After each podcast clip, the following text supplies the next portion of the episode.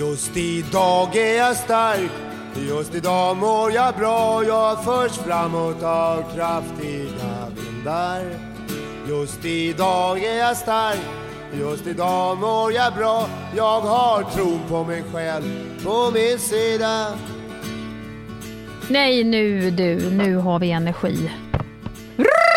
Har jag ju aldrig på eftermiddagen så det här ska bli väldigt spännande att vända på det här nu när jag egentligen vill vara praktisk vill jag vara på eftermiddagen och liksom vara, tänka med hjärnan på förmiddagen. Och nu plötsligt, det är ju inte, jag menar lyssnarna har ju inte så mycket nytta av att jag är praktisk. Jag kan ju inte hålla på med händerna och Nej, gymnastisera och gå och städa och sånt i podden utan nu måste ju hjärnan ändå. Men alltså vi har inte heller sett sen, alltså fysiskt in person sågs vi sist i november och det är liksom snart mars.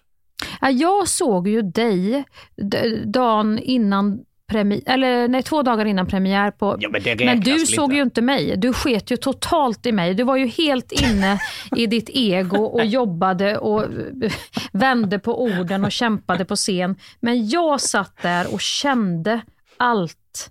Alla känslor. Jag, jag kände lukten av det. Jag hörde allt du sa mellan raderna.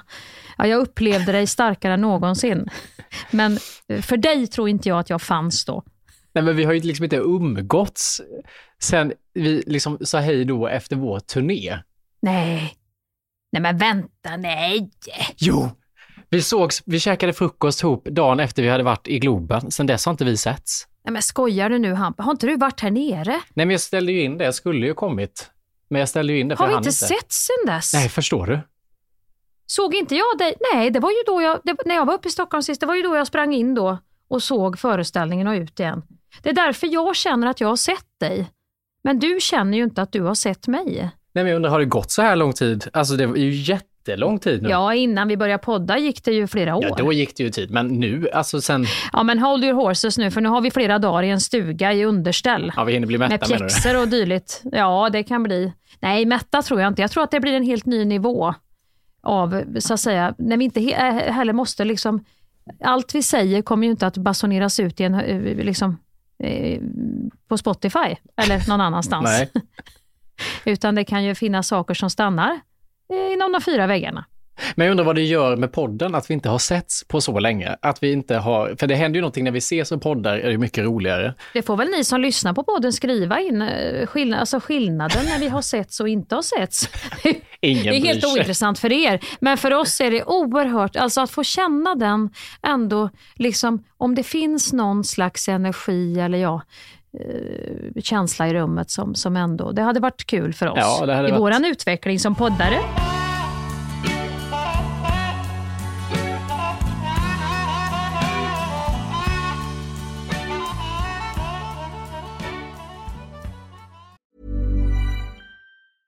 Everyone knows therapy is great for solving problems, but getting therapy has its own problems too, like finding the right therapist, fitting into their schedule, and of course, the cost. Well, BetterHelp can solve those problems.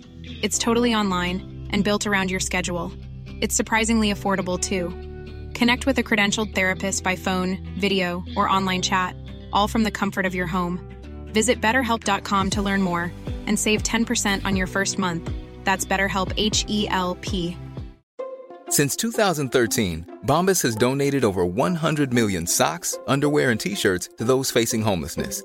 If we counted those on air, this ad would last over 1,157 days. But if we counted the time it takes to make a donation possible, it would take just a few clicks. Because every time you make a purchase, Bombas donates an item to someone who needs it. Go to bombas.com slash ACAST and use code ACAST for 20% off your first purchase. That's bombas.com slash ACAST, code ACAST. Idag är Skäringen Esvold i ett betalt samarbete med Svea Bank. En bank för lån och sparande för alla lägen i livet kan man ju säga. Ja, och de har ju en, en tjänst som heter skuldfinansiering som jag tycker är strålande, måste jag säga. Där man kan liksom samla alla sina lån om man har hamnat i en svår ekonomisk situation. Det har man ju fått höra, tycker jag alltid, att det första man ska göra är att försöka samla alla lån. Inte ha liksom massa med olika räntor, utan få ett som du kan fokusera på och en bra betalningsplan utefter din ekonomi. Och det är precis det Sveabank erbjuder. Många svenskar är ju idag högt belånade och ibland kan de här skulderna kännas övermäktiga och leda till ja, men både sociala och ekonomiska konsekvenser. För att det finns en skam i det här och man pratar eh, inte så ofta om dålig privatekonomi. Men då finns det faktiskt hjälp att få. Exakt, och skuldfinansiering då som tjänst, den går till så att de löser skulder hos inkassobolag och även hos Kronofogden. Eh, till och med när Kronofogden har gått så långt som att de vill sälja en fastighet så har de möjlighet att faktiskt hjälpa till och komma in där.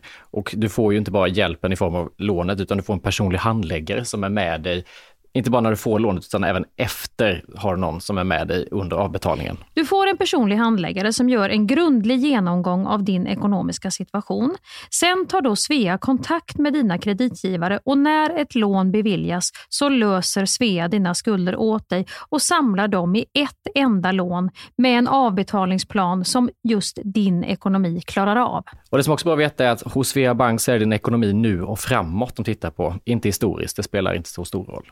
Och om du vill veta mer så går du in på hemsidan svea.com skuldfinans. Tack Sveabank! Tack! Vi är idag i ett betalt samarbete med MSB, Myndigheten för samhällsskydd och beredskap. För Sverige är ju nu med i Nato och det finns väldigt många frågor kring just detta. Och då är det skönt att vi har MSB som har koll. Exakt, och nu har ju MSB då fått i uppdrag av regeringen att informera om vad allt det här innebär. Och då kan man ju inte som vi två sitta och höfta och frifräsa med svar, utan de har då skapat en trygg kampanj som heter Värt att veta om Nato. Ja, och då tänker Hampus att om du ställer en fråga till mig nu som du själv undrar över så ska vi se om jag kan använda mig av det här jag har lärt mig i den här kampanjen på MSB. Mm, och då börjar jag med frågan som både jag och säkert väldigt många fler i det här landet går och tänker just nu på. Påverkar NATO mig? Nej, men då skulle jag säga så här som privatperson, nej, det påverkar inte dig. Det ställer inga krav på dig som privatperson, eh, men det ställer mycket krav på Sverige. Eh, är du då intresserad av försvarsfrågor, säkerhetspolitik och följer samhällsdebatten, då kommer du att märka av en del eftersom medlemskapet innebär just de här kraven på Sverige. Men eh, du som jobbar som skådespelare, jag tror inte att du kommer att komma i närheten av någonting i ditt jobb som gör att du kommer att märka att vi blivit medlemmar i NATO. Det vi däremot kan märka av som privatpersoner, det är ju att det pågår mer militärövningar eh, liksom i vårt samhälle, i vårt land tillsammans med andra NATO-länders militära styrkor civila övningar och att det är mer fokus på totalförsvarsfrågor på till exempel din arbetsplats. Om du nu arbetar inom samhällsviktig verksamhet. Men allmänt, alltså NATO ställer inga krav på dig som privatperson, men på Sverige som land. Kan man säga så? Svar ja. Och då är frågan också, är det i NATO en för alla, alla för en, som man har hört? Eller inte? Ja, ett angrepp på ett medlemsland är ett angrepp på hela alliansen. Och ett attackerat medlemsland ska då få hjälp av de övriga medlemmarna i Nato och varje medlemsland beslutar själv då vad de ska bidra med. Är vår säkerhet verkligen hotad? Ja, men risken att Sverige hamnar i ett krig är låg. Och Det kan ju vara en bra eh, liksom information som kommer direkt från MSB att förhålla sig till när tankarna far iväg beroende på vilka tidningar och sajter man är inne och, och bläddrar i. Och om vi nu är med i Nato, behöver vi då ett eget försvar? Eller? Ja, alla medlemmar i Nato måste ha ett eget försvar. Och det här var ju bara några av alla frågor som vi eh, besvarade i den här podden. Men har du fler frågor och vill ha svar så kan du gå in på sajten msb.se nato och läsa på.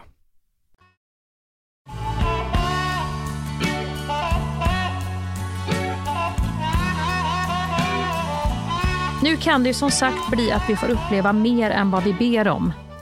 Eh, för så kan det vara när man ska åka på skidsemester. Och, och, det är också roligt att producenten ska med med kameror. Ja, det gör mig väldigt glad. Upp. Det är oerhört roligt. Hon ska ju ta in längdskidorna i bilen. Så att det här tycker jag är roligt att jag ska ha ett par såna du vet med en liten böj där fram. Nu kanske hon sitter i fram ibland och så sitter jag i bak ibland och så vet jag inte om, för jag kommer inte att köra, det tror jag inte är bra för någon, för då kan det bli för mycket att hålla ordning på, utan jag har mer packar äggsmörgåsar i plåtburk med en gummisnodd runt, kokar kaffe. Glad jag är att jag inte åker i bil. Nej, var glad för det. Vissa kan få be om att få kaviar under ägget och andra utan. Vi kan se.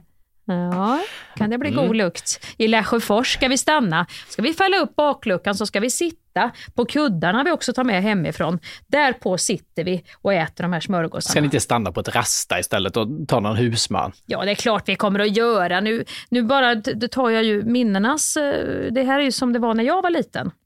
De där äggmackorna är ändå alltid bäst, för det finns ju inga ställen att äta på som är gott. Det vet ju du också. Fast äggmackorna är inte heller de här svettiga mackorna man ska plocka upp och lukta Ja, som men blir... du kan väl stoppa i vad du vill då? Vad vill du ha i din? Eh, Pesto mozzarella kanske? Men jag har alltid mina the på juice. som jag tycker är liksom, köra Ja, McDrive, det funkar. Det tycker jag är för jävla, men det är halva grejen med roadtrip. Det är riktigt mysigt. Fy fan vad gott det Det är väl ute och börja knalla in på ett McDonalds. Gör någon det nu för tiden? Ja, det tror jag många gör. Jag skulle aldrig falla mig in. Det tror jag, kisspaus med småbarn och grejer, är det inte det liksom passande? Det är bilen som är så trygg. Att få äta den här friterade kycklingklubban inuti en livmoder, det är, ju, det är ju nästan som att få skrapad banan i en sån där sittstol som vi pratade om Ja. förra gången. Det är närmsta du kan komma i vuxen ålder. Har jag berättat när jag, när jag åkte hem över jul sist, för då har, jag har alltid mitt mysstopp i Södertälje med McDonalds där. Då, då vet jag att vi går upp vid typ sju och så ska vi stanna på McDonalds i Södertälje och jag ska beställa toast. Då är jag lycklig. Jaha, är det toast du beställer då? Är det, är det frukostmenyn de har då? det är frukostmenyn. Men Ja. Mm. då, var, då skämdes jag så mycket över att vi hade längtat så länge efter det här stoppet. Alltså jag har liksom visualiserat i huvudet den här fantasin om den här dagen som kommer, att då ska vi stanna på McDonalds i Södertälje och jag ska äta de här toasten som jag inte ätit på så länge. Och var på känslan av att vara på väg, den är så härlig och euforisk. Så att jag var väldigt överladdad och ville därmed beställa ganska mycket. Och kände när vi stannade där, först är det ju en sån där högtalare som du pratar med, och då stannar vi innan den och så tittar vi vi ska ha, så frågar Ellen vad ska du ha? Och så säger jag en ganska stor beställning. Hon bara, det låter som att vi ska beställa till hur många som helst, det är jättepinsamt när vi är två pers. Ja, Och då börjar jag lajva en familj i den där bilen när vi beställer, för att jag tycker att det är för pinsamt att det bara är vi två sen. Så att jag börjar på riktigt nu hålla på och låtsas, precis som när jag köper tefat och säger att det är till barnen, så gör jag i den här högtalaren och liksom blir så här, Tjena, hallå, hej, vad vill du ha? Ja, vi ska ha fyra McToast där och sen ska vi ha, vad vill du ha lilla? Ja, hon vill ha två stycken till där och sen så ska vi se, vad vill du ha? Ja, jag vill ha den här grejen! Och så gjorde jag liksom en hel barnfamilj. Problemet var att när vi kom fram så sitter vi bara två stycken i bilen. Det var liksom inte helt genomtänkt. Så jag fick liksom försöka fejka att så här, nu sprang någon på toa. Var det utanför? Jag vet inte var de gick riktigt här. Så det blev liksom ett live hela vägen fram till slut. åh gud vad roligt. För att slippa stå för att det här ska vi äta själva på två pers. För att slita skämmas för att du köper på det så jävla mycket. Annars hatar man ju att vara den i fram. Det finns ju inget värre än att man ska, om man nu är många då, tvärtom mer som vi alltid är, så ska ju alla och alla ska ju ha olika dipper och jag ger mig fan på att någon, hot kreol! Du, hot kreol vill jag! Men så kan du inte ta vanlig jävla cheese dipp eller något. Nej, jag vill ha hot kreol! Alltså då hatar man ju de personerna. Och så ska man sitta, "Nej, jag ska inte ha någon saltgurka i min hamburgare. Hot kreol! Alltså alla har ju så jävla Och så många olika. så, två kolor Ja. med is och sen vill vi ha en kola utan is och sen så ska vi ha den Och så här. vill inte jag ha pommes frites, jag vill ha morötter. Åh. Morö- Nej, ta äpplen! Äpplen är godare. Vill du ha äpplen? Alltså, då, det är bara stackars den som sitter i förarsätet. Och så det, börjar någon prata själv. Ja, jag vill beställa själv. Ja, jag vill ha bla bla bla bla bla. bla. Hör inte jag den personen? Nej. Så får man börja ändå medla. Och så är det alltid att någon, man beställer någonting, det här händer hela tiden, man har en krånglig jävel i bilen som sitter och velar med sitt beslut och så beställer jag någonting, krånglar ganska länge. Och sen säger man så här, då säger jag, ja, men jag tar samma fast jag tar inte exakt det, jag tar bort den här grejen. Ja, då tar vi en cheese till där. Ska du ha en till cheese på den? Ja, så så här, då fattar inte de, ska det vara två nu eller en? Du beställde precis det, hur gör vi nu? Okej. Och så blir det ändå fel. barn är ju sådär med hamburgare, vissa äter ju allt på hamburgaren och vissa är ju så här: jag vill ha två bröd och ett kött. Ingenting i. Och sen finns det barn som vill ha, ja men jag ska bara ha ett bröd och inget kött utan bara ketchup i. Alltså många, just med en hamburgare och barn, det kan finnas så jävla många varianter. Redan där, där, där börjar ju amalgamet om man nu har gamla fyllningar och, och göra sig påmint i käkarna när man börjar bli spänd i bilen. Och så är det någon som ändå måste in och kissa eh, fast vi inte bestämde att vi, vi skulle inte stanna och så, ja. Och så har ju inte hot kreolen kommit med heller, så då sitter den där hot kreol-personen och är sur sen. Och sen sitter hela familjen trångt och ska dippa och äta i bilen också. Och så ligger det någon gammal gnagd vinge sen kvar i år i den här sidofacket som ingen Och så- jävel har tagit bort. Ska alltid pappa köra samtidigt som han äter. Så ska... Ja, och det är också en fara. Nej, nu kör jag. Men det, det är ju far. Sitter och mummar och upp med en till. Ge mig en pommes till. Jag kan ta en slurk Coca-Cola. Det är en liten fars. Ett litet familjespel. Men gjorde ni de här busen också? Eh, I Värnamo var det alltid att man åkte dit också med sin epa. Och Jag hade ingen epa, det låter som att jag var en av dem. Men så var det så. Ja, jag vill ha älgkött. och så tar vi en öl. och så satt de och så här. Nej, men snälla Hampus, vet du, det skiljer så- så många år mellan oss. När jag var liten fanns inte McDonalds. Jo, det kom ju för fan på 60-talet. Nej, men när jag var liten fanns inte Kristinehamn och McDonalds. Det fanns Sibylla, torggrillen. Fick man ju åka och köpa då en, en burgare. 73 kom första McDonalds. Googla Kristinehamn McDonalds så kan vi titta. Kristinehamn. McDonalds. 2001. Ja, och så tänker du jag är född 76. Ja. Då hade jag ju flyttat därifrån för länge sedan. Jag, jag, vet ju när, att det blev en sån här, det var ju nästan, det var ju nästan du, ska vi inte unna oss att äta på McDonalds i helgen? Då var ju det typ som att gå ut och äta på restaurang. Ja. För det fanns ju bara någon sån här, ja, men jag vet inte vad som fanns. Det var någon pizzeria, någon kinesisk och någon sån här ja, men black and white och, och vad hette det där, Mo, sån här där de spritsar mos runt. Alltså det fanns ju bara såna restauranger. Men det var en happening hela barndomen. Alltså jag minns att det kunde vara så här, nästan, inte att man tog ledigt från skolan, men nästan på den nivån. Det var så här, imorgon ska Erik åka med sin mamma till McDonalds, så de frågade om jag vill följa med. Får jag åka med mamma? Och så åkte man till Värnamo två mil bort till McDonalds för att äta där och leka i bollhavet, så åkte man hem. Jag hämtar dig en, halvtimme innan då. Då får du bara duscha och kamma håret. Tar du den där hoodien, ta champion-hoodien då, då för den är ströken. Och så kan du väl ta, ja du behöver väl inte ha vinterstövlar om ni ska gå på McDonalds utan då kan du väl ta eh, gympaskora på det så du är lite... det är ändå så mysigt att det kunde vara en grej, att det var liksom myset. Nej, men det är väl jättemysigt. Det kan fortfarande vara mysigt tycker jag. Tycker du det? Nej, det tycker jag inte. Men jag menar de små stunderna. Jo, det kan vara mysigt att svänga in tycker jag när man har varit ute och åkt bil. Att, att bara vara ute och åka och svänga in och ta en milkshake. Om vi tar bort allt det här med kött och flöt och frityr och pommes frites och sånt. Och så åker den här drive-in-känslan där du sitter och har något gott snack. Eller det kanske är någon annan, du behöver bearbeta någonting. Det regnar ute, det är lite, alltså man sitter i den här bilen och, och, och bearbetar livet och är ute och finåker eller fulåker eller glor på folk eller vad man ska kalla det för.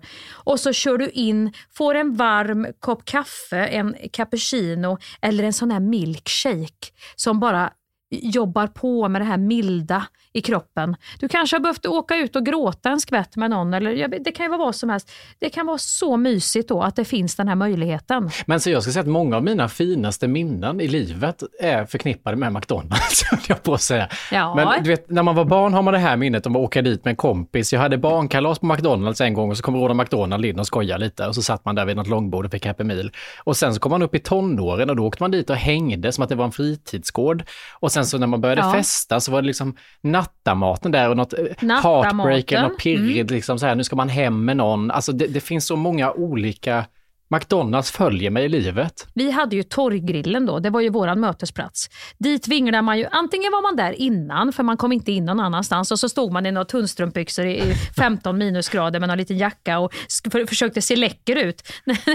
när, när fylltrattarna kom från krogen för att köpa sin pommes frites-bricka, för man själv hade ju inte kunnat liksom, gå in någonstans. Man hade åkt runt i någon jävla eh, eh, raggarbil eller epatraktor och så stod man där sen. Ja. Eh, Man kanske på sin höjd hade råd att köpa mosbricka med dill på. Man hade inte råd med räksalladen och korven med lite dill eller grillkrydda. Eller så var det ju sen när man stod där då när man liksom skulle, när man hade fått komma in och varit och festat och, och stod och gjorde en riktig beställning. Och det var ju där allt det spännande hände. Jag vet, eftersnacket. Ja, efter festen kunde det plötsligt öppnas ett utrymme för, eller ska vi gå hem till mig eller ska vi gå hem till dig? Det avgjordes där. Det är en fantastisk plats. Statoil var också sådär, men det var mer äldre. Att vi, ska vi inte bara åka ut och köra en tur med bilen och, och glo på för Så kunde ju pappa säga. Eller morfar.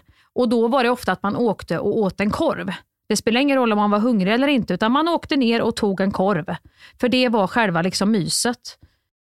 Och då så åkte man och glodde lite på folk och det, det, nu är det huset, nu har ju han sålt det där. Konstigt att han byggde den där inglasade altanen och sen sålde. Han har väl för fan aldrig hunnit suttit där. Men det var så mysigt. Kan inte du sakna det sättet att umgås på? Att bara åka runt i en bil i en liten stad. Alltså det var ju, och sen åker man in på en McDrive, köper en kaffe Jo. eller en liten matbit och sen åker man vidare runt på små vägar. Alltså det var så jävla mysigt. Men vi brukar åka till olika områden.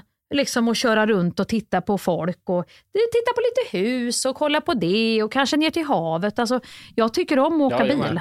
Jag vill helst inte köra för då blir det för mycket. Men att sitta bredvid och tjata Ja, och prata. och välja Mm. musik och få kaffet. Ja, det är Och gärna på kvällen, lite mörkt får det gärna vara. Det är så trevligt. Åh, jättemysigt. Är det vi som har bott i småstad, tror du, som uppskattar det här så mycket? För att det var ju någonting man fick ta till när, det, när allt annat var stängt. Jag tyckte alltid det var en aktivitet. Så här, ant- mormor och morfar var det alltid så här, ska vi åka på älgarunda? Åkte man ut och kollade efter älgar, men och pappa var alltid och kollade på dyra sommarhus. Alltså det, det var liksom så här, en dag så kunde man lägga på att nu åker vi bara runt. Alltså det känns som att det är inte samma kanske om man kommer från Stockholm. Man har inte det behovet, man får väl så mycket intryck ändå. Ja, Men bilen som plats att just samtala eller sitta tyst i eller bara att få åka runt och skjutsas runt i en bil. Jag tycker många gånger man har varit på väg någonstans ihop med någon, det har varit med dig också eller med andra, så, så säger man ofta till varandra, här, tänk om vi bara fick åka vidare nu. jag vet. Åka i flera timmar, sova, vakna. Ja, så mysigt. Men du, på tal om de här småställena med, med McDonalds eller om det är någon eh, torggrill, men upplever du också, som kommer från ett litet ställe, att det, det finns ju alltid de här pizzerierna som, som kommer och läggs ner och sen kommer någon ny jävel och ska försöka få fart på det och så läggs det ner igen och så vidare. Mm. Men i Värnamo upplever jag också att det finns en, om det kommer en ny restaurang, så finns det ett jävla intresse första helgen. Det var som när Jureskogs hamburgerkedja öppnade i Värnamo. Du vet, då är ju det en sån jävla happening. Då är lokaltidningen där och, och intervjuar folk som Ja. står i kö. Det var kö fan ut på E4 för att hela Värnamo ska prova Jureskogs burgare nu. Och det är sånt jävla tryck och Jureskog själv är på plats och han blir så lycklig, tänker att den här verksamheten funkar. Sen tar det fan två veckor så börjar snacket. Nej, jag tyckte inte det var så gött med den dressingen. Jag tycker inte det smakar så. Jag vet inte, de pommesen var konstiga. Jag tycker inte det var överskattat. Dyra priser men det kostar ju för fan 200 spänn för en burgare. Det kostar inte McDonalds, tycker det är konstigt. Och sen så dör det jättesnabbt. Det finns liksom en, Exakt. jag vet inte varför det finns någon slags nästan en känsla, det gör det ju inte, men det blir nästan en känsla på mindre orter ibland att de vill slå ner på det nya. Kom inte här nu och slå upp, ja det är spännande att testa, men kom Nej. inte här sen och tro att du ska bli kvar. För det är så få ställen som får fäste. Det, det är ju det där att om något ska vara kvar så måste, ju, då måste man ju gå dit och välja det. Men värnar man då om, för det är samma sak när Espresso House kom till Värnamo, det var också ett jävla tjat. För att då, då var det liksom, du konkurrerade med Pelikanen, det lokala fiket som har dominerat i 40 år. Då blev det liksom en konflikt där. Och samma sak när det kom någon sån fin butik med inredning och servering, alltså någon sån liten, ganska snygga grejer inredningsmässigt. Då konkurrerar du med den lokala önskabutiken. Men det där är ju svårt för att jag, jag tycker ju om när man värnar om det lokala. Men då måste ju också det lokala faktiskt vara lite uppdaterat och modernt. Då, då tycker jag att det är fint att värna om det lokala. Så det, men då, då måste vi ju upp till någon viss nivå i den här önskan eller vad det nu kan vara. Så att vi, vi kanske Eh, vi, vi kan inte köpa Musse Pigg-glas eh, längre utan vi måste kunna hitta det vi kan hitta eh, ungefär då på H&M Home eller vad det kan vara. Det är klart att det är tråkigt när kedjor tar över men jag vet inte, ibland kan det ju vara fruktansvärt gammaldags. Ja, för vill du inte då ha, liksom, jag upplever släktingar, att vill du inte då ha Eva Solo-glasen, Filippa K-muggarna eller Carolina Gynning-servetter och brickunderlägg, då får du liksom skicka länkar Nej. där du kan beställa på nätet eller beställa själv på nätet, Ja. för då vet vi inte var vi går. Vi vet inte var vi hittar den där parfymen eller det glaset om inte det finns på önska. Sen finns det ju småstäder med jävligt coola grejer. Så det är ju så, det är så otroligt eh, olika tycker jag hur det, har liksom, hur det utvecklar sig i en liten stad. Vi hade ju ett köpcentrum som vi alltid hängde på som hette Lyran i Kristinehamn. Och det var ju butiker överallt där inne. Det var ju asor, två rulltrappor, det var ju stort tyckte man när man var liten. Nej, vi ska ner till Lyran efter skolan vet du. Så åkte man ner och köpte en singel. kunde ju vara en singel som hade släppts eller en, en, det var ju då det var liksom CD-skivor och singlar och åkte man ner och bläddrade i den där Duvan tror jag den hette, skivbutiken. Och där inne stod ju alla lite så, rock'n'roll-killar och lite punkkillar. Mm. Det var ju liksom bara en grej att gå in och börja bläddra där. Eh, ska man köpa någon Tracy Chapman Chapman Fast Car eller något sånt där. och man stod och bläddrade och kollade på dem där inne som hade hål i näsan och någon punkjacka och allt vad det var.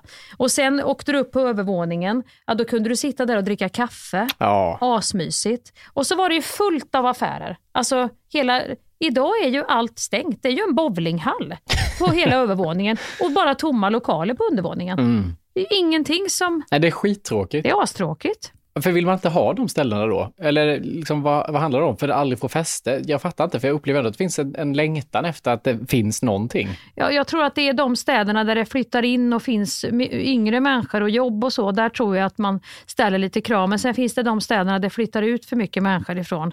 Och, och liksom medelåldern ökar och då kanske det inte blir så. Ja, då kanske Café Giraffen, då nöjer sig folk med det. De, de frågar inte efter något annat kaffe utan det är det funkar bra med det som är, om du förstår vad jag menar. Giraffer, varför känns det faktiskt som att det heter så också?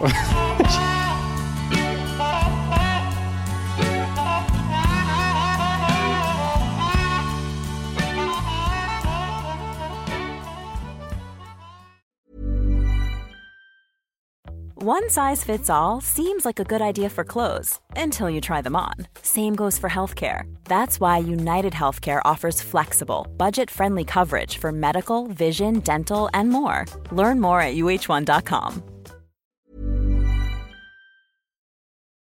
Vi är den här veckan sponsrade av KPA Pension, pensionsbolaget för lärare, brandmän, undersköterskor, ja och alla ni andra hjältar skulle jag nästan vilja säga. Ja, det vill jag säga, som jobbar inom kommun och region. Och då kommer ungdomen in och ska förklara KPA Ja. Pensions uppdrag. Vad är KPA Pensions uppdrag? Berätta för Jo, oss Hampus.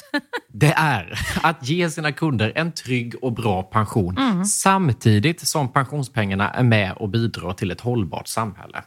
Det är ju så att 70 procent av de som jobbar i kommun och region är kvinnor.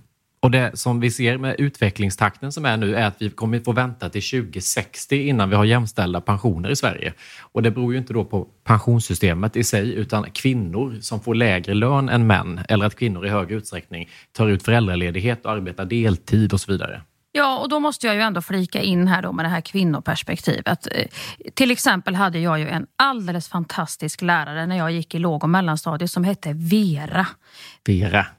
Vera, ja. Hon gjorde all skillnad för mig under låg och mellanstadiet. Alltså, man kan säga så att hon fortsatt påverkar mig med alla positiva injektioner hon gav till mig som liten tjej eh, i mina val i livet och så vidare. Och då känner man ju så här, det är klart att hon ska ha det gött med det fantastiska arbete hon har utfört när hon blir gammal. Är det någonting vi ska belöna och, och värdesätta när vi, i våra pensioner så är det ju just de som jobbar för att ja, men bygga upp vårt samhälle, bra individer.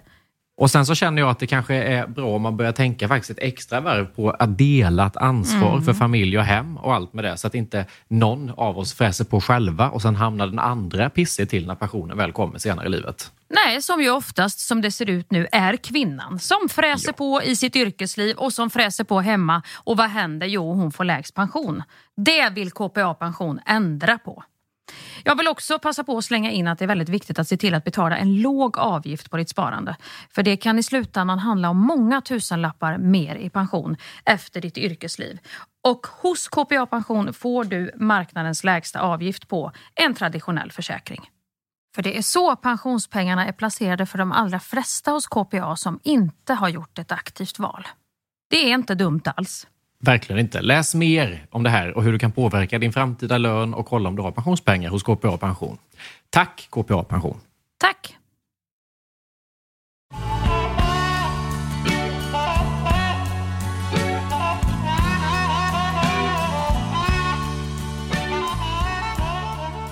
Jag var ju faktiskt i, eh, i Köpenhamn i helgen. Vi åkte ner och firade Heli som fyllde år. På tal om just det här med att, du vet, eh, eh, som taxibilar finns ju inte i Köpenhamn. Taxibilar? Jo, jo, vänta. Det finns taxi, men det finns inte Uber. Och det har de, så har de det ju för att de vill värna om att eh, liksom, de ska ha kvar, taxichaufförerna ska ha sina jobb. Liksom. Är det, fan, det är fan sant när vi var där. Fick, fick- inte en enda Uber. Jag tror det hade dåligt betyg. Nej, det finns inga Uber för att man i Danmark vill att taxiyrket ska liksom, ja, men det ska vara, det, det, det ska inte dö ut liksom. Mhm. Och det finns ju både bra och dåliga saker med det, men det är ju en helt annan process om man tror, står där med sin väska och tänker, vi ringer bara en Uber. Alfred var ju helt hundra, men klart det finns Uber. Men mamma, nej det finns inte Uber. För då, hade, då var jag mobbad från början, för då hade jag sagt så här, eh, Heli dricker väldigt mycket Celsius. Och då sa jag, då, då Lilo köpte med sig 10 Celsius till henne som en liten eh, sån här, Mm. ja, men, det, det är så jävla dyrt i Danmark också, så vi brukar köpa med lite olika saker. Men nu ska hon flytta, så nu, nu orkar jag inte ta med någon hel eh, eh, matväska ner den här gången, utan det blev Celsius. Och, så, och Gabbe bara, vad fan ska du dra med dricka? Det har de ju i Köpenhamn. Nej, det har de inte, säger jag då. Jo, det har de. Nej, det, och då blir jag så stursk för att Heli har sagt till mig att det går nästan inte att få tag i Celsius i Köpenhamn. Men så blir ju jag så provocerad när någon säger emot mig så det slutar med att du, de har varken Nocco eller Celsius. Det är förbjudet där, hör jag mig själv säga. Och så tänkte jag, fan varför sa jag, la- till det på slutet? Det, det är det ju inte om man googlar. Men jag, jag ville vinna den här diskussionen att nu tar, jag, nu, har, nu, har vi, nu tar vi med Celsius, det kommer hon att bli glad för, för det går inte att få tag i i Köpenhamn. Jag lägger till, det är förbjudet. Och Nocco också för den delen. Och det här fick jag ju höra sen. Det började ju redan i familjegruppen. När vi skulle åka tåget ner så började jag ju bli mobbad för det här att jag då hade sagt. För då började, då började jag vet inte om Gabbe som började skriva, "Eh, hallå Heli, Heli satt ju på någon lektion, då, någon föreläsning, så började gruppen gå varm och sen var det ju att mamma har sagt att Nocco är förbjudet i Danmark. Så det, det, det skämtet var ju det vi jobbade med första dagen då. Och sen så säger jag ju, då fick jag verkligen ge igen, för sen då skrattar ju Alfred till mig. Nu säger mamma att det inte finns Uber i Köpenhamn. här." Nej, det finns det inte, säger jag och verkligen slår ner. Så då var jag så jävla lycklig. För då sa jag det, ja, varför finns det inte? Nej men det är väl, och då höftar jag väl till, det är väl för att de vill att taxigubbarna ska men rädda om det här jobbet, att de ska ha sitt. Och så googlade jag mycket riktigt, japp. Där satt den, så där blev det 1-1 och var det slut på den diskussionen. Ger de dig den då, när du har rätt då? Eller vad blir, vad blir liksom stämningen? Nej, väldigt dåligt. Väldigt dåligt fick jag för den faktiskt. Tyvärr, och vet du varför det var? Det var för att Gabbe visste att jag hade rätt. Så han var ju inte Nej, med okej. i att ösa på då. Utan då blev det bara Alfred och jag som hade en liten... Jag fick säga emot två gånger och sen fick han ge sig. Men sen fick jag ju ingen cred för det, utan det rann ju ut i intet ganska snabbt. Nu skulle vi då åka ner till Heli och knö in oss hade vi bestämt i hennes lägenhet. För att det blir mysigt. Bor man på hotell blir det alltid så här, men då, jag går och lägger mig en stund och så går alla in på sitt rum. Någon sminkar sig i två timmar, någon somnar. Och så eh, knör man inte på varandra så som vi behöver göra just nu. Det var ju bara mer så här, för då, då, då var det också, jag hade planerat att vi skulle ta bilen ner. För där skulle det då packas in täck täcken och luftmadrasser och fan hans moster. Nu ska det bli mys, nu ska vi bo hos Heli. För lägenheten är ganska Ja. stor. Då skulle vi ha såna där, du vet luftmadrasser som man pumpar upp. Och jag hade redan paxat att jag sover bredvid Heli för hon har en, liksom, vi kan sova bredvid varandra. Hon har en 1,20 säng men det kommer gå jättebra. Så kanske Lilo sover i soffan och så får Alfred en smal och Gabbe en stor.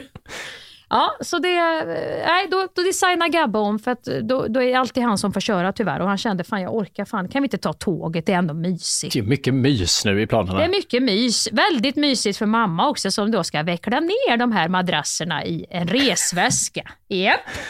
Så då vecklar jag ner två jävligt stora, du vet ju hur stora de här är. De här jävla, Jo, ja det är ju som flottar. Går det ens få plats i en resväska med en sån? Ja, det gjorde det, men antagligen så klämde jag väl till sidan på den här jävla stora madrassen då. Så att när vi kommer fram och får upp hela den där, så luften gick ju ur. Alltså, och då var, nej det får vi laga, får vi gå ut och köpa cykel. Det hade en cykelaffär, Heli, det kan väl göra, köpa sån här cykelpunktering vet du. Och, och sätta över reva, det blir jättebra. För nu, nu var jag ju handy woman här som hade planerat det här.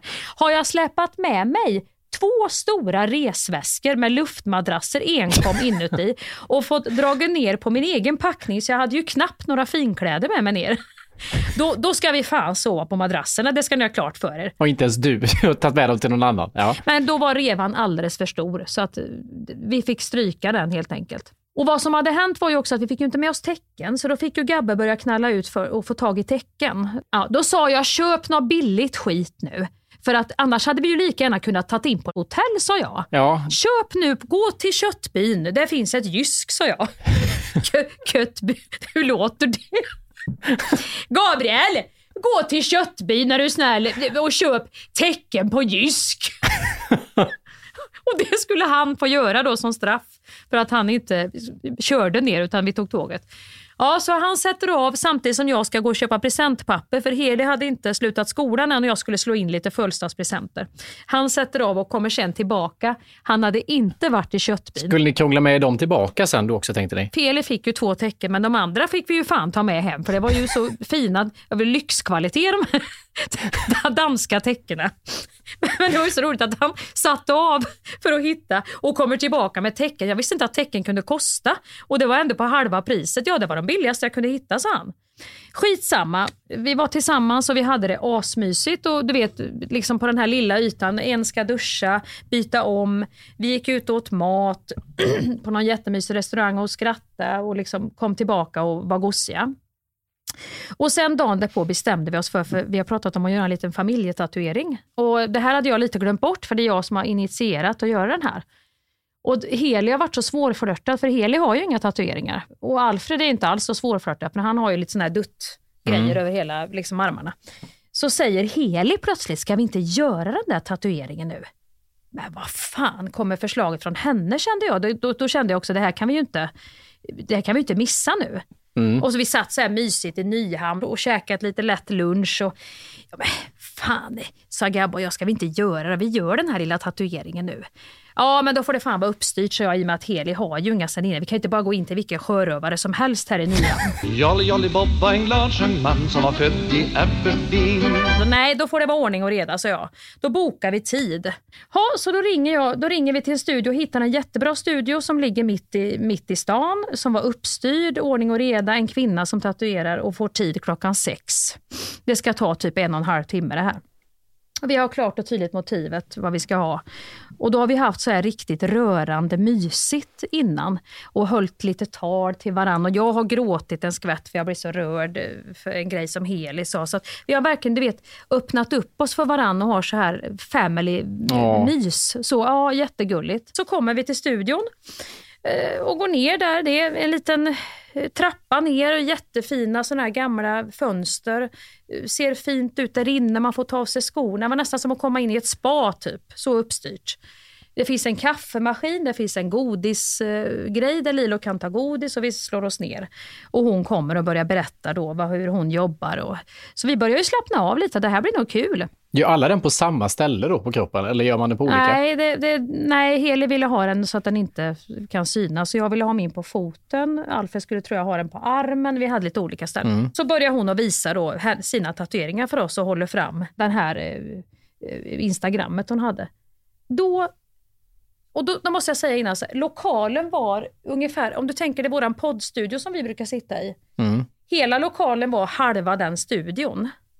Delat på en soffa, en tatueringsstol, en toalett och ett pentry med vatten. Och det var absolut inte stort. Så Nej. vi hade ju gått, slängt upp oss i soffan, jag och barnen, och i någon fåtölj. Och Gabbe fick sitta på en pinnstol framför dörren. Eh, men han var, klagade inte över det, utan han hade sin kaffe där och satt. Då precis när hon ska visa så smäller det till och ner flyger eh, en gubbe, en man, som eh, ser ut som, jag vet inte, sko, han, han har liksom joggingskor och ryggsäck och är kanske i 50-årsåldern. Han ser ut som en sån dansk pappa som har varit på after work typ. Alltså in i lokalen? Han ramlade alltså baklänges ner för trappan, rakt igenom dörren som väl inte riktigt var stängd, på Gabbe. Och det var en ganska, alltså han ramlade hårt. Han flög in som en projektil ifrån ingenstans. Var han full? Full som ett jävla ägg. Jaha. flyger ner. För det första så var det så att man tänker det är lite busigt att gå till en tatueringsstudio. Du vet man tänker att det, det kan ju vara lite skumrask där inne, vet du, tatuerat folk och ja, det kanske är, jag är lite sjörövad, jag druck. Nej, vi var, det var ingen där som var, allt var perfekt ordning, vi var nyktra, ordning och reda, uppstyrt. Då flyger det in den här gubben då, som ser ut, alltså han har hamnat så fel. Han, är liksom, han har en sån där sportryggsäck på sig och ska, det såg ut som att han skulle ta cykeln hem. Att han har varit på någon pub, klockan är sex liksom. För det första fick Gabbe gubben på sig så det small ju i bakhuvudet på han. För han kom ju alltså inte så här du-du-du-dun utan bam sa det bara. Och hon bara kollar på han och jag bara, do you know this guy? No, I never seen him before, säger hon liksom. Vad fan, should we? Och då börjar vi säga, ska vi hjälpa dig? Var, det, var han liksom helt medvetslös eller vadå? Nej. Eh, Så var han. How are you? sa vi. Och så börjar ju hon då. Can I help you? You don't fucking touch me! Skriker han då och börjar veva med armarna. Oj. Det här var inte bra. Den här gubben kanske har tagit sig något mer än bara en pilsner. Det, det, det vet man inte, för det, det kändes inte. Så han började veva med armarna, vet du, den här gubben. Och jag kände också, nej men vad fan vad rörigt det blev nu. Och, och liksom fick undan livet. Var det någon som satt i tatueringsstolen när han trillade ner? nej, så att hon... nej, nej, det, vi, nej, han ramlade alltså rakt in, i våran familj kan man säga. I den lilla soffgruppen. Först på Gabbe, för han satt ju framför dörren på den här fällstolen. Sen rakt emellan alltså tatuerar mig, Heli och Alfred och Lilo ner i, mellan benen på oss. Där ramlade den här gubben. Nej men gud. Och tappa skon och allting. Då fick ju Gabbo, då var- började han att bli aggressiv den här gubben. Så Gabbo hon fick, fick ju få ut den här mannen med mycket möda och stort besvär för han vevar ju med armarna och hade, var, trodde ju att vi var nå, jag vet inte om han trodde att han brottades med björnar eller vad han var i för delirium. För han, han var inte jättevillig att liksom få hjälp upp för trappan och så någon vakt då som kom och hjälpte oss att få bort han. Och så gick vi ner igen och då kände jag lite så här, fy fan, jag vet, jag, jag vet inte om jag är så jävla sugen på att tatu tatuera mig längre kände jag. För det var ju ändå så här en chock att det ramlar ner en gubbe genom taket typ. När man sitter och ska dricka kaffe och ta en godis och börja förbereda sig på att liksom, tvätta av armen lite grann. Där, där eh, sitter vi och försöker att samla ihop säcken igen. Då. Jag ser ju på Heli att hon, hon är inte heller görsugen. Men ja, ja, vi, vi fick ändå så här, nu gör vi det här, nu, nu skärper vi till oss. Då kommer gubben tillbaka. Hampus. In i lokalen. Hur är roligt, nu är det som jag berättade en spökhistoria för dig. Nu skulle ni som lyssnar se Hampus. Han ser ut som ett litet barn som har satt sig upp i sån här sparkpyjamas. som var på väg att somna, men nu sitter han upp i spjälsängen här. Ja, men han har ändå vevat med armarna den här Ja. gubben och kommit tillbaka. Vad, vad... Han kommer tillbaka, gubben. Och så hör vi så här. Lock the door, säger jag till, till henne då. You have to lock the door, he's back, sa jag. Och då började vi att skratta lite, för vi var ju också chockade. Och Lilo hade ju lugnat ner sig och börjat mumsa godis. Lock the door. Bankar igen. Ännu hårdare. Go away, skriker hon då. Och drar ner. Då drar hon ner rullgardinen. Då slår fanskapet in varenda ruta. Nej! Jo! Slår in rut, glasrutor. Han slår, han slår Hampus, hela jävla vintage-dörren tror jag fan i mig, varenda ruta. Jag vet inte hur många rutor det var på den där dörren. Det kan ju hända att jag förstorar det här nu också, att det var två rutor, men jag säger 16. Vad då står han sönder dörren? Hela dörren, alltså det flyger in glas. Han bara matar. Hela dörren slår fanskapet in. Så det flyger ju. Så jag får tag i Lilo och in på i den här toaletten, pentryt, hopp. Jag tror fan i mig jag hoppar över möblemanget där inne i de där fula spatofflorna. Hoppar jag över. Och Gabriel får ju hjälpa henne då. Gabriel och hon får ju liksom ta tag i gubben och boxa ut han. Alltså bära ut gubben. Och vi in på toaletten.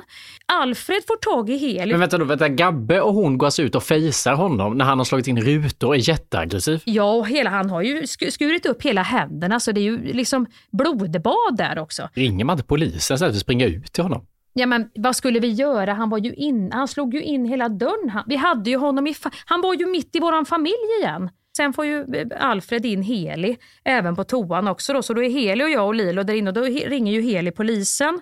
Och Alfred står och liksom eh, stoppar i dörren och de har kommit ut på gatan. Så då har ju Gabbe fått kontakt med ett annat par som också ringer polisen. Eh, så att vi ringer polisen samtidigt och sen kommer ju polisen. Men från att vi hade det här, vi sitter då i Nyhamn och har öppnat upp oss familjärt. Vi myser, vi pratar, vi håller lite tal till varandra. Heli fyller år. Men alla berättar något gulligt och jag gråter skratt.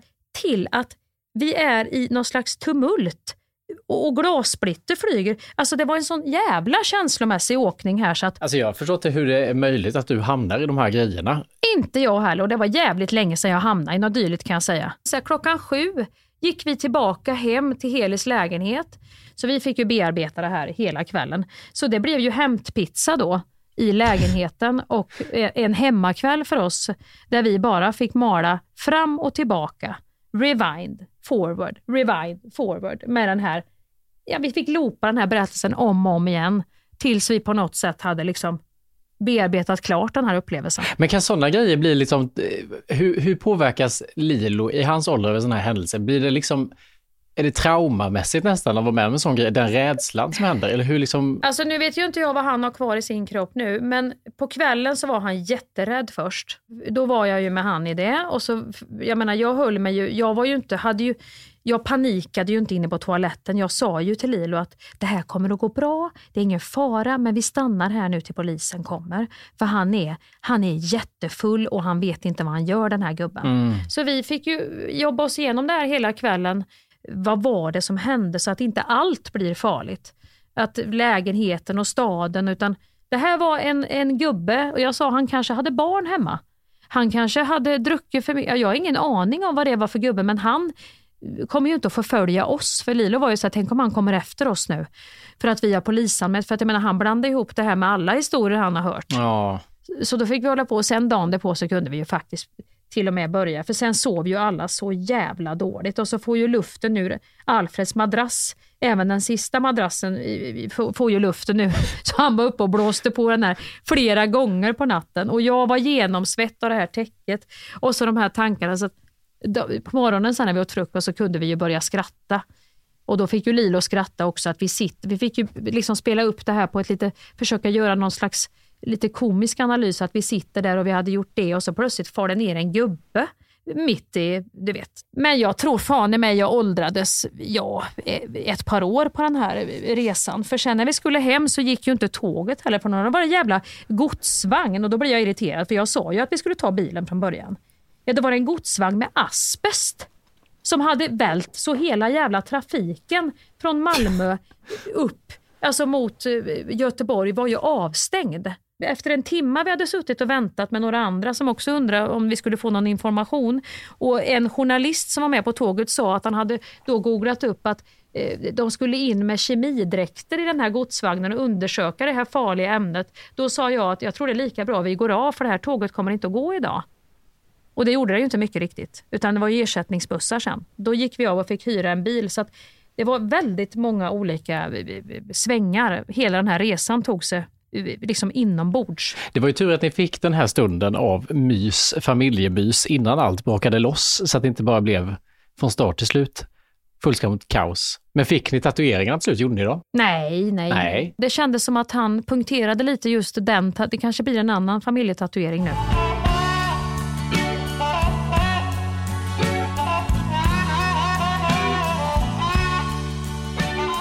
Men alltså vad gör det med, för det har jag tänkt på också när man var liten, och man var med om någonting så här, som satte ens föräldrar lite ur balans. Ja. Om det så var att de hamnade i, i bråk någon gång Mm. med någon och började, alltså skri, inte skrika men bråka med någon eller ta en konflikt med någon eller att man var med om något läskigt där de behövde, Ja. som du där, kasta in på en toalett. Då har man själv alltid blivit så jävla ärrad och det har jag tänkt på, om man får barn sen Ja. och hamnar i vissa typer av Mm. situationer, till exempel mitt bilhumör som vi har pratat om. Jag kan ju inte sitta och skrika kuk till alla i trafiken, men hur, Nej, det kan du inte göra. hur fan vad tar de känslorna vägen? Hur kanaliserar man bort vissa grejer? För i den situationen hade jag också blivit livrädd eller förbannad. Fast det kan du ju inte skydda dina barn ifrån. Alltså kuken i bilen behöver du inte, det kan du ju skydda dina barn ifrån. Men om du hamnar i... Ja men typ när ni åker tåg och det kommer något jävla, det blir ett problem med det, då blir jag ju också Ja. vansinnig. Det kan ju inte bli som förälder. Alltså sker det automatiskt än? Ja, det gör det, för då får du ju föregå med gott exempel. Ja men det är exakt det, jag är rädd för att jag inte kommer. Du kan ju inte själv ligga åh vad tråkigt, ska vi inte gå? Nej men det är det jag är rädd för, att det kommer ske. Jävla f det går, Nej det går inte utan det är mer, nu får vi se till, ska vi se vad vi får vi göra? Alltså, då får man ju börja plocka fram allt man har i trollerilådan. Men däremot sin egen rädsla är ju svårare att skydda. För blir man rädd så blir man ju rädd. Mm. Så jag, tänkte, det var ändå, jag tyckte ändå vi jobbade bra som grupp i ett sånt här liksom, läge där, där liksom allting händer och man måste bara fatta snabba beslut. Så, så sprang Gabbe på den bollen, jag sprang på den bollen och Alfred ryckte ju in och hjälpte sin syster. Vad hade du gjort då, tror du? Hade du hoppat upp och hjälpt henne, tatuererskan? Spr- hade du kunnat springa in själv på toaletten? Och så hade Ellen suttit kvar som helig.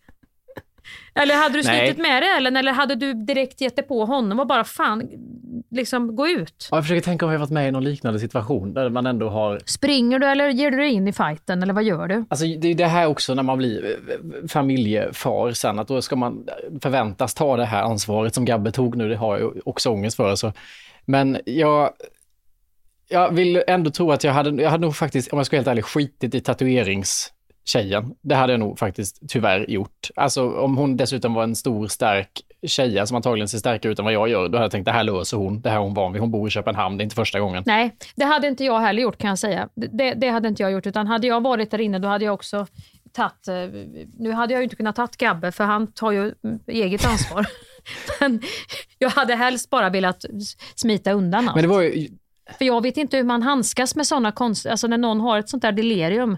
Vem är det jag slåss med liksom och vad kan han göra? Men jag tror att jag blir, jag, jag får en panik inombords som inte syns utanpå, tror jag. Alltså, Mm. de två upplevelser jag har, det, där, jag undrar, det har jag tänkt på, det är därför jag är rädd för utomlands. Att, för att jag har varit, två gånger som jag har varit de senaste tio åren, så har det skett sådana här incidenter. Första var ju när jag var på studentresa och sen så var det den här lilla incidenten där jag och William var på någon semester ihop och det var ett par från England som var, som jag pratade om i podden, som var asfulla och höga och som han fick för sig att vi stötte på hans tjej och skulle slå ner oss. Då blev jag också så jävla rädd och då drog jag med mig William därifrån och vägrade vara kvar. Nej, men det fattar jag för det är ändå så här, det är ganska mänskligt att reagera så. Ja, det finns liksom inte det modet mig. Vi får se om det blir lugnare uppe i Sälen nästa vecka då, om vi får vara med om något härligt på afterski. Det får vi verkligen hoppas Hampus. Det, det får vi verkligen hoppas att det blir lite pulkaåkning och lite mera inte, lössnö, lite mjukt skulle jag vilja ha det. Alltså, jag kände lite så här, nej nu, nu, nu, nu räcker det med äventyr för mig. Jag vet inte fan ens om jag ska åka Gustavsbacken utan jag kanske jämt bara åker lite pulka ja. Och sen tar jag på mig understället och, och, och tar en liten Irish coffee vid brasan. Ja. Så, så kände jag att jag nästan är rädd för att åka i nedförsbacke. Jag kan stå på den där du vet som man övar sig på att stå upp och ner den där man bara åker med, med skidorna på. Jag kände bara så här, fy fan för äventyr. Ge mig inga jävla äventyr eh, med någon snabb jävel som svischar förbi lite för nära i backen eller för någon brant, något brant gupp som är lite isigt eller någon lift som jag nästan inte kommer av innan jag åker runt och så. Jag vet inte om jag är så jävla intresserad. Utan placera mig i en skön jävla Howard-fåtölj nära brasan och låt mig vara. Servera mig något gott att dricka och vi kan prata om livet och spela kort. Lugna harmoniska saker som inte utsätter oss för någonting i onödan.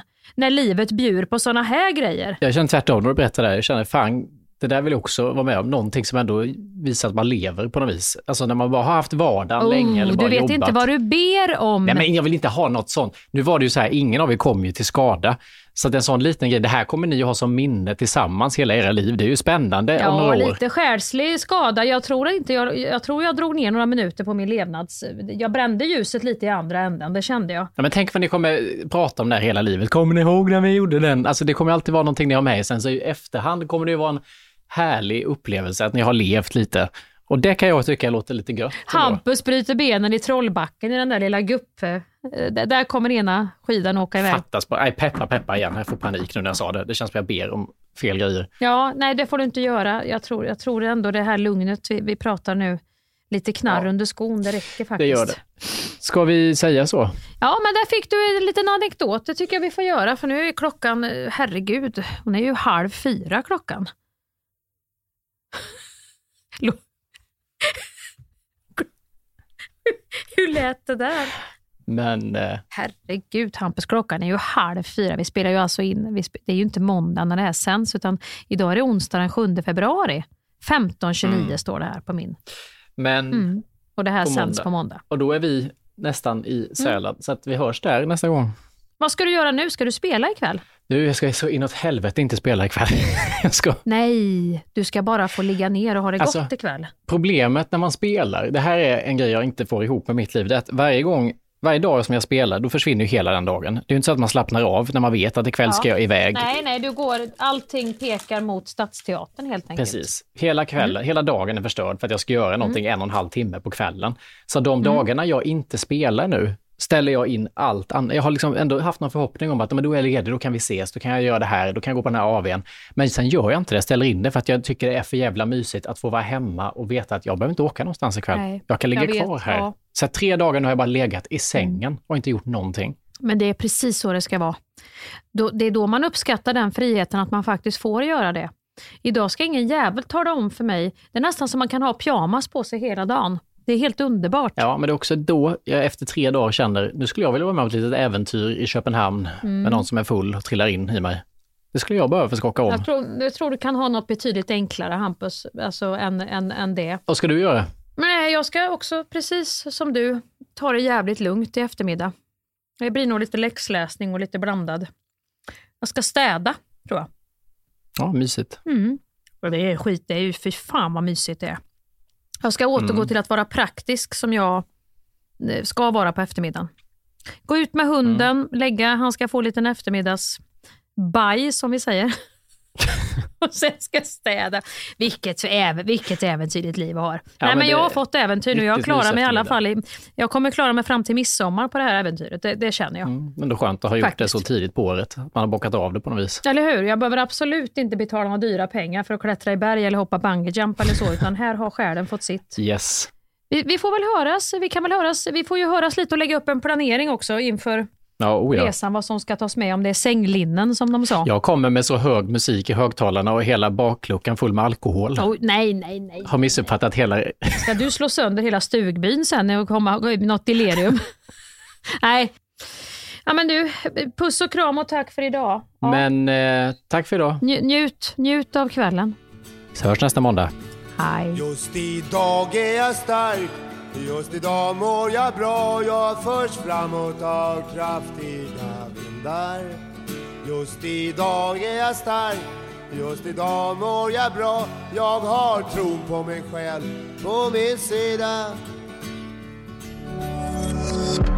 Thank you for listening to this Polpo original. You've been amazing. Even when we're on a budget, we still deserve nice things. Quince is a place to scoop up stunning high-end goods for 50 to 80% less than similar brands. They have buttery soft cashmere sweaters starting at $50, luxurious Italian leather bags, and so much more. Plus, Quince only works with factories that use safe, ethical, and responsible manufacturing. Get the high-end goods you'll love without the high price tag with Quince. Go to quince.com slash style for free shipping and 365-day returns. Imagine the softest sheets you've ever felt. Now imagine them getting even softer over time. That's what you'll feel with Bowl and Branch's organic cotton sheets. In a recent customer survey, 96% replied that Bowl and Branch sheets get softer with every wash. Start getting your best night's sleep in these sheets that get softer and softer for years to come. Try their sheets with a 30-night guarantee. Plus, get 15% off your first order at bowlandbranch.com. Code BUTTERY. Exclusions apply. See site for details. Mom deserves the best, and there's no better place to shop for Mother's Day than Whole Foods Market. They're your destination for unbeatable savings, from premium gifts to show-stopping flowers and irresistible desserts. Start by saving 33% with Prime on all body care and candles. Then get a 15-stem bunch of tulips for just $9.99 each with Prime. Round out Mom's menu with festive rosé, irresistible berry chantilly cake, and more special treats. Come celebrate Mother's Day at Whole Foods Market.